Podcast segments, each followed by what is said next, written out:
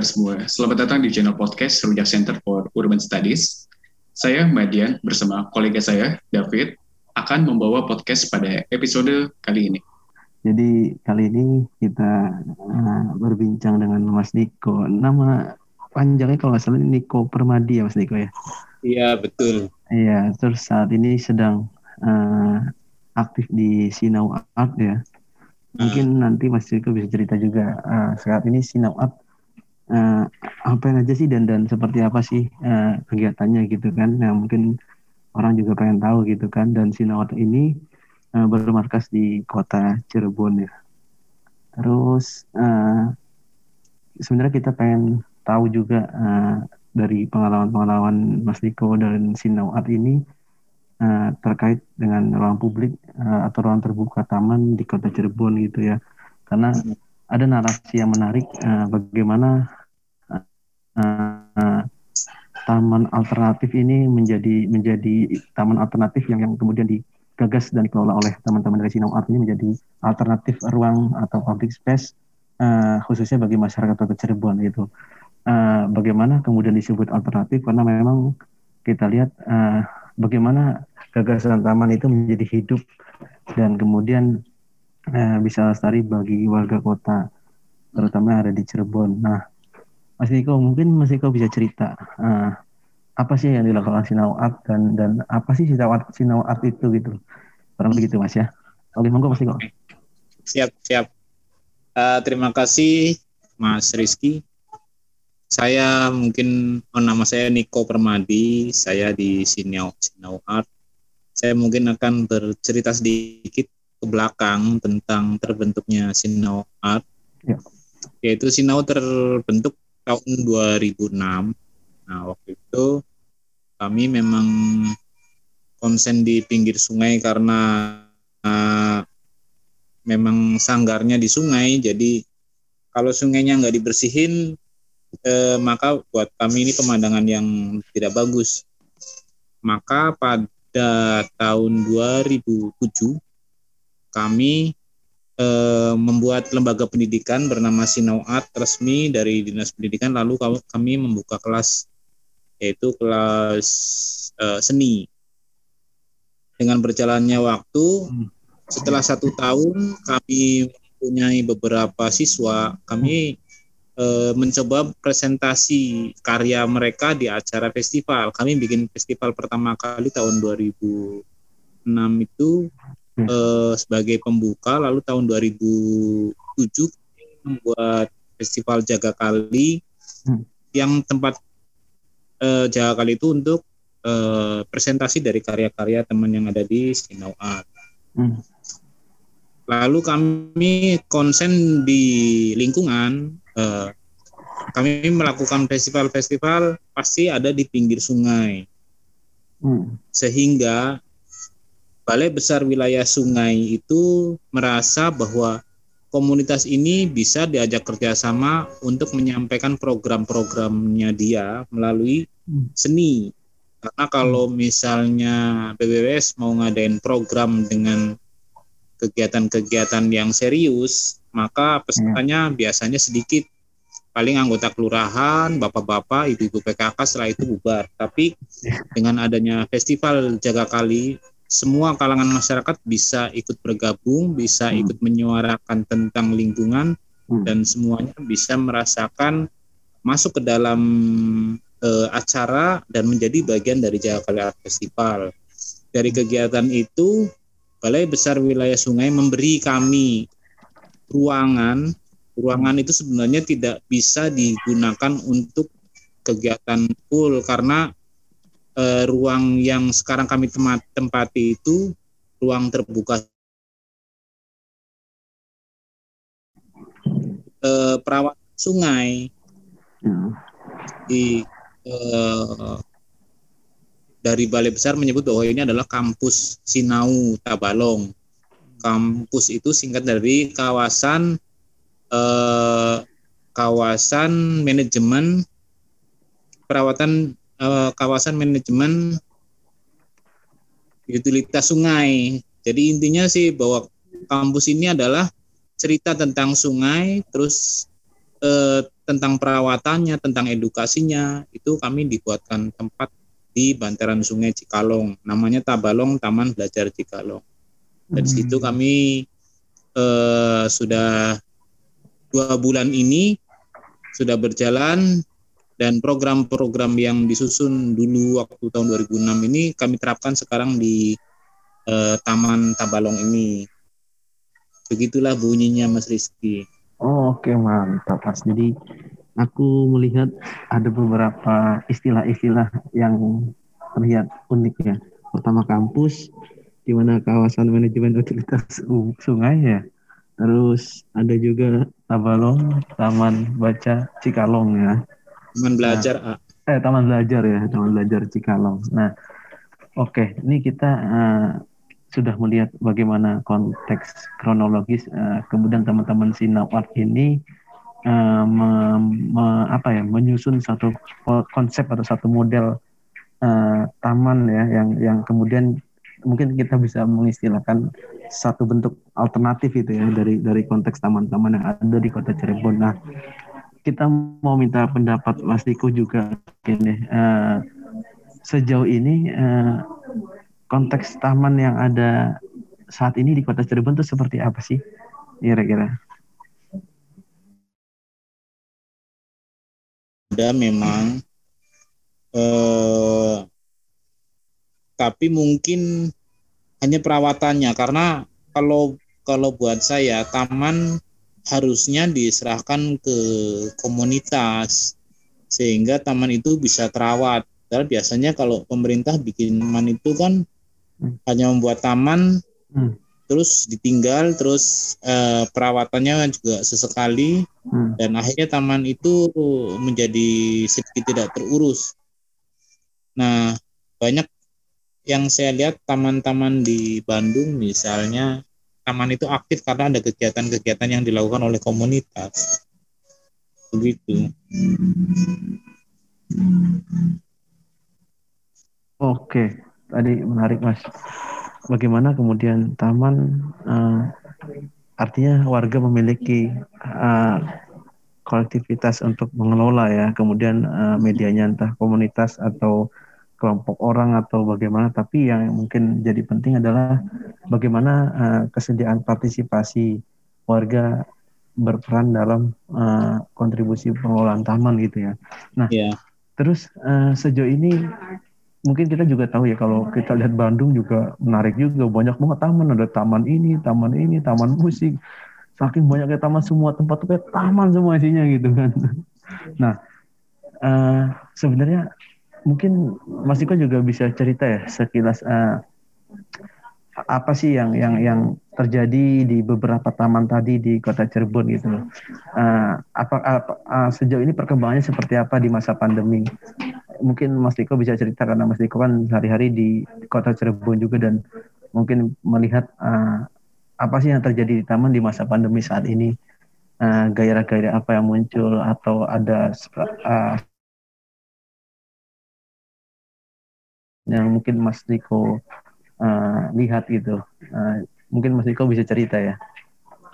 Uh, saya memang di Cirebon tapi saya nggak keliling ke taman-taman yang lain. Karena hmm. saya pikir taman-taman yang saat pandemi ataupun tidak saat pandemi itu ya, mereka ya ya biasa. Kecuali memang di sini karena saya setiap hari ada di sini. Eh, ada beberapa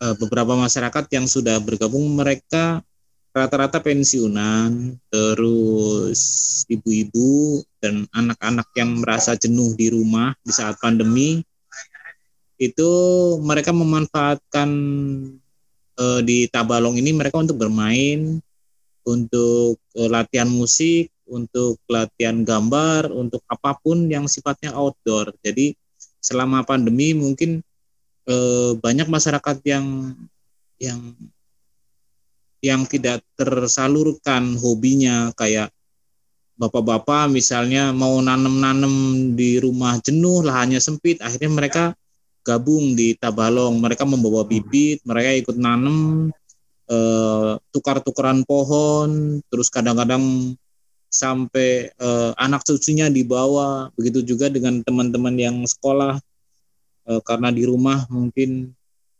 uh, jenuh akhirnya belajar di Tabalong karena di sini ada wifi yang yang free untuk anak-anak. Mereka kadang-kadang ke sini ada yang belajar juga ada yang main game ada yang uh, macam-macam. Jadi saya pikir kalau di Tabalong ya yang saya tahu di Tabalong ini banyak juga membantu uh, masyarakat sekitar sekitar taman lah dari mereka yang tadinya uh, senam di kelurahan yang tempatnya terbatas bisa dengan leluasa di Tabalong habis itu mereka makan-makan baru mereka pada pulang sorenya mereka datang lagi sama anak-anaknya jadi buat saya taman yang di Tabalong ini selama ini eh, saya pikir sebagai ruang alternatif mereka untuk melakukan aktivitas selain di rumah.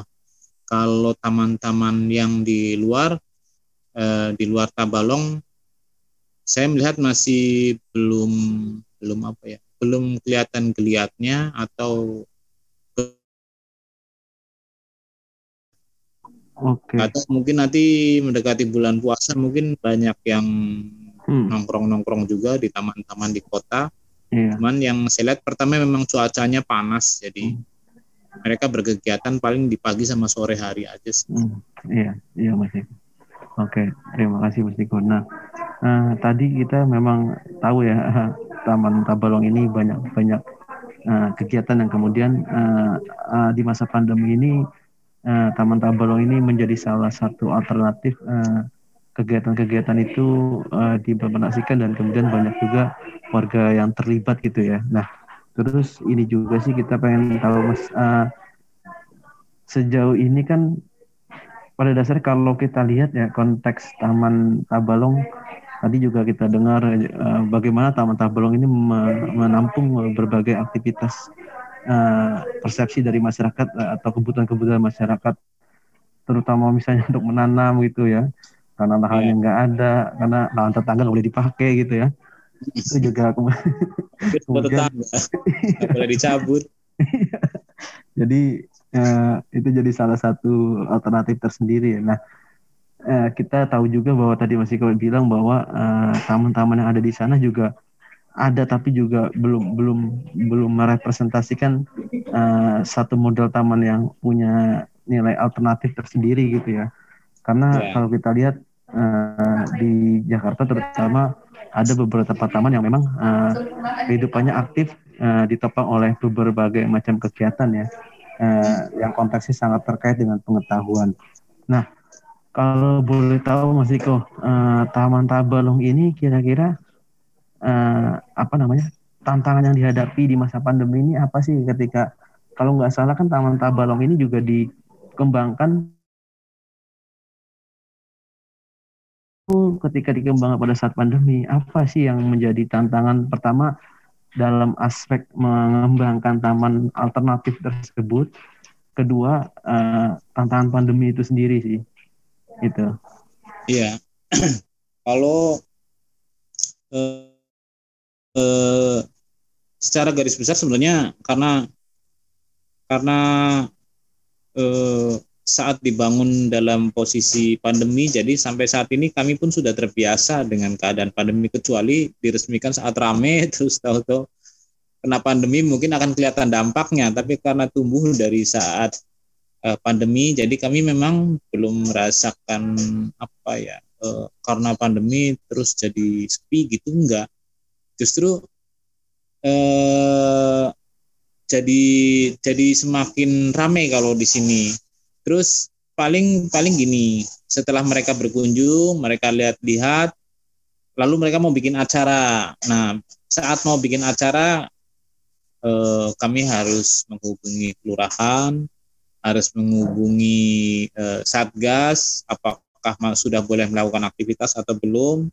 Kalaupun belum eh, ada syarat-syaratnya, harus ini, harus itu, harus ini, harus itu, yang sehingga banyak cara-cara yang kami cancel jadi kayak kemarin mau ada kunjungan dari 150 siswa mau mengadakan eh, camping bersama, deklarasi. Sebenarnya itu ada ada masukan juga buat kami karena eh, mereka biasanya saat ada acara mereka memberi donasi ke taman untuk perawatan taman entah berapa entah berapa. Itu untuk untuk untuk operasional sehari-hari di taman. Tapi karena kegiatan itu eh, sulit mendapatkan izin akhirnya di cancel. Jadi ya semuanya berjalan. Mungkin nanti setelah pandemi mungkin bisa lebih rame uh, terus ada beberapa donasi yang mungkin bisa kami gunakan untuk perawatan taman. Oke, Mas Eko. Berarti tadi gambarannya ketika uh, orang main ke Taman Tabalong itu ada semacam uh, bentuk donasi ya mungkin yang bisa di uh, teman atau teman-teman atau warga yang datang ke situ gitu ya. Iya, donasinya hmm. macam-macam. Jadi ada yang ngasih uang, ada hmm. yang ngasih tanaman, ada yang ngasih bibit ikan, ada yang macam-macam lah, macam-macam.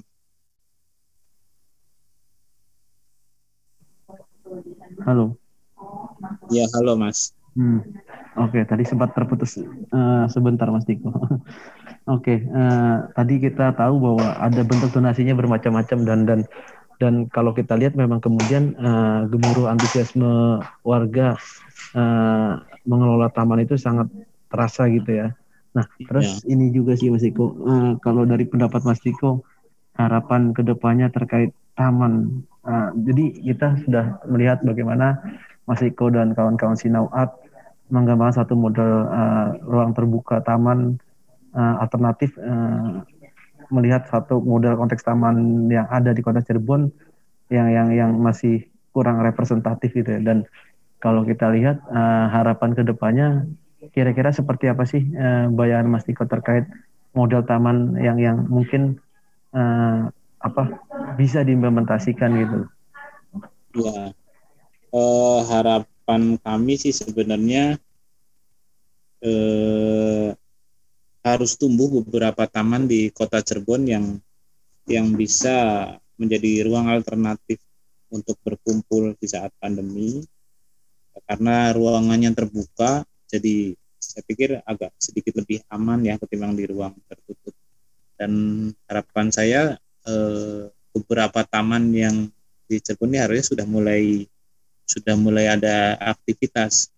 Karena mungkin kalau di Tabalong kita sebatas eh, seni budaya lingkungan cuman itu aja. Tapi kalau misalnya ada satu taman lagi yang bisa dibuat khusus untuk teman-teman yang mungkin komunitas motor mereka dikasih pos di situ mereka bisa aktivitas di situ sekaligus merawat taman atau uh, teman-teman dari parkur atau teman-teman sepeda atau teman-teman apa yang yang diserahkan sama pemerintah untuk bisa mengelola taman saya pikir akan akan lebih hidup teman-teman di kota Cirebon.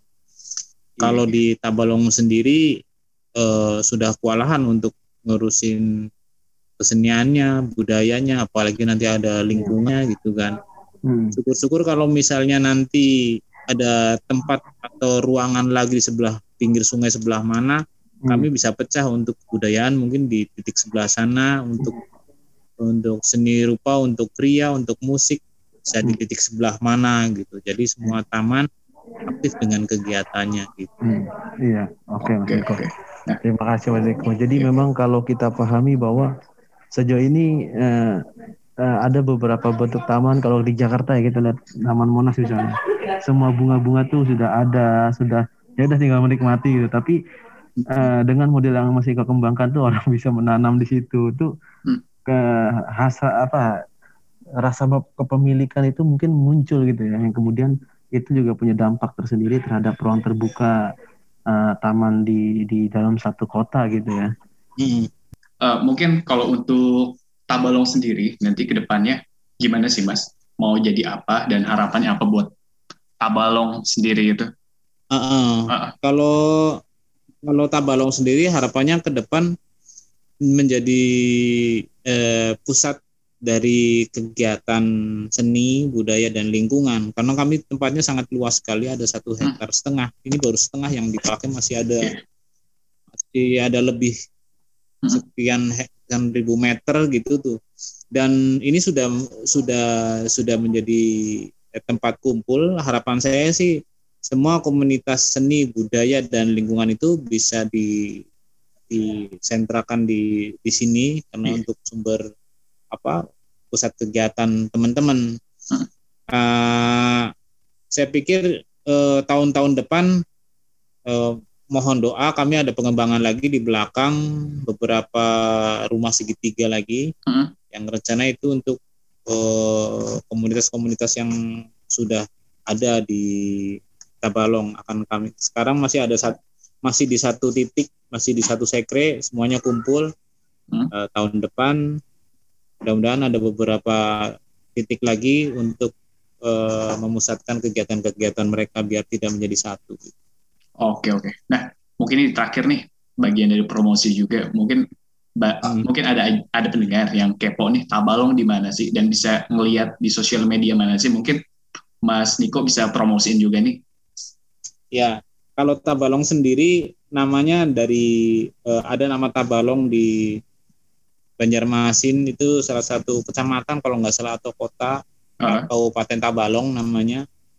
Uh, tapi kami di sini Tabalong adalah Taman Belajar Cikalong. Hmm. Letaknya di Perumnas di Kota Cirebon. Ini salah satu taman yang luas yang posisinya dari tengah kota. Hmm. Itu kalau misalnya dari terminal Cirebon arah dari arah Jakarta itu terminal Cirebon masih lurus sedikit e, nanti di situ lampu merah Perumnas tinggal belok kanan kira-kira 20 sampai 50 meter lah ke kanan itu sudah yeah. Tabalong. Jadi silakan teman-teman dari Jakarta dari mana yang mau berkunjung dan camping merasakan kampung tapi ada di tengah kota silakan ke Tabalong. Oh, Oke, okay. siap siap. Istilahnya okay, uh, uh, Sinau Tabalong. Hmm, iya, iya. Sinau underscore Tabalong. Bagi yang kepo atau mau ngeliat langsung bisa dicatat tuh omongan Mas Diko yang tadi. Oke, mungkin iya, masih ada tambahan lagi, Mas David? Uh, mungkin satu hal yang mungkin masih uh, penasaran saya sebenarnya Mas Diko. Uh, mungkin orang juga bertanya-tanya kok bisa ngelola taman gitu dan dan seperti apa tadi kita udah jelaskan juga sih ya bagaimana kemudian dari aspek pemerintah di mana balai balai besar wilayah sungai memberi rekomendasi ya untuk pengelolaan taman itu mesti gue ya. Iya. Hmm. ya, itu kemudian uh, harusnya mungkin uh, kami selama dua tahun ini ada ada subsidi dari dari balai besar. Uh, ya. Hanya kami kami memang sudah diberi alat kayak mesin potong rumput, kayak alat untuk pertanian apa segala macam dan ada subsidi sebenarnya. Hanya memang selama dua bulan ini kami belum belum apa ya ada rasa nggak enak juga. Sebenarnya itu haknya kami karena kami sudah mengelola, tapi kami belum belum apa ya namanya uh, ya masih belum berani untuk minta subsidi atau apa selama kami bisa melakukannya sendiri kami akan melakukan sendiri dan teman-teman di sini punya keinginan yang yang sama gitu untuk sama-sama merawat tanpa harus e, mengandalkan dari siapa pun gitu. Iya, mesti mungkin jadi kuncinya adalah peran kolaborasi sebenarnya kalau kita lihat ya bagaimana yeah. Iya. ada unsur kolaborasi yang kemudian ini penting uh, menjaga uh, apa uh, masa depan kota kita sendiri sebenarnya ya. Termasuk hmm, ada tambahan lagi mungkin Mas Rizky?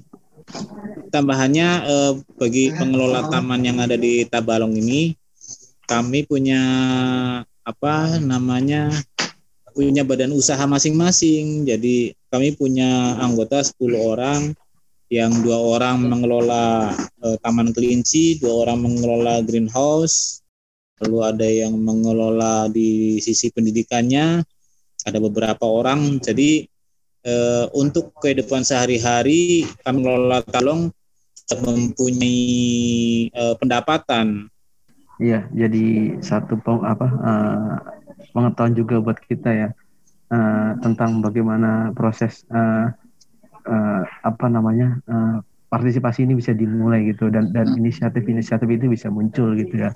Uh, mungkin hmm. ini sih apa namanya tadi kita juga sudah tahu ya bagaimana konteks pandemi ini uh, apa ya memberikan satu gerak lambat tersendiri ya terhadap apa yang ingin Mas Niko lakukan sebenarnya gitu ya.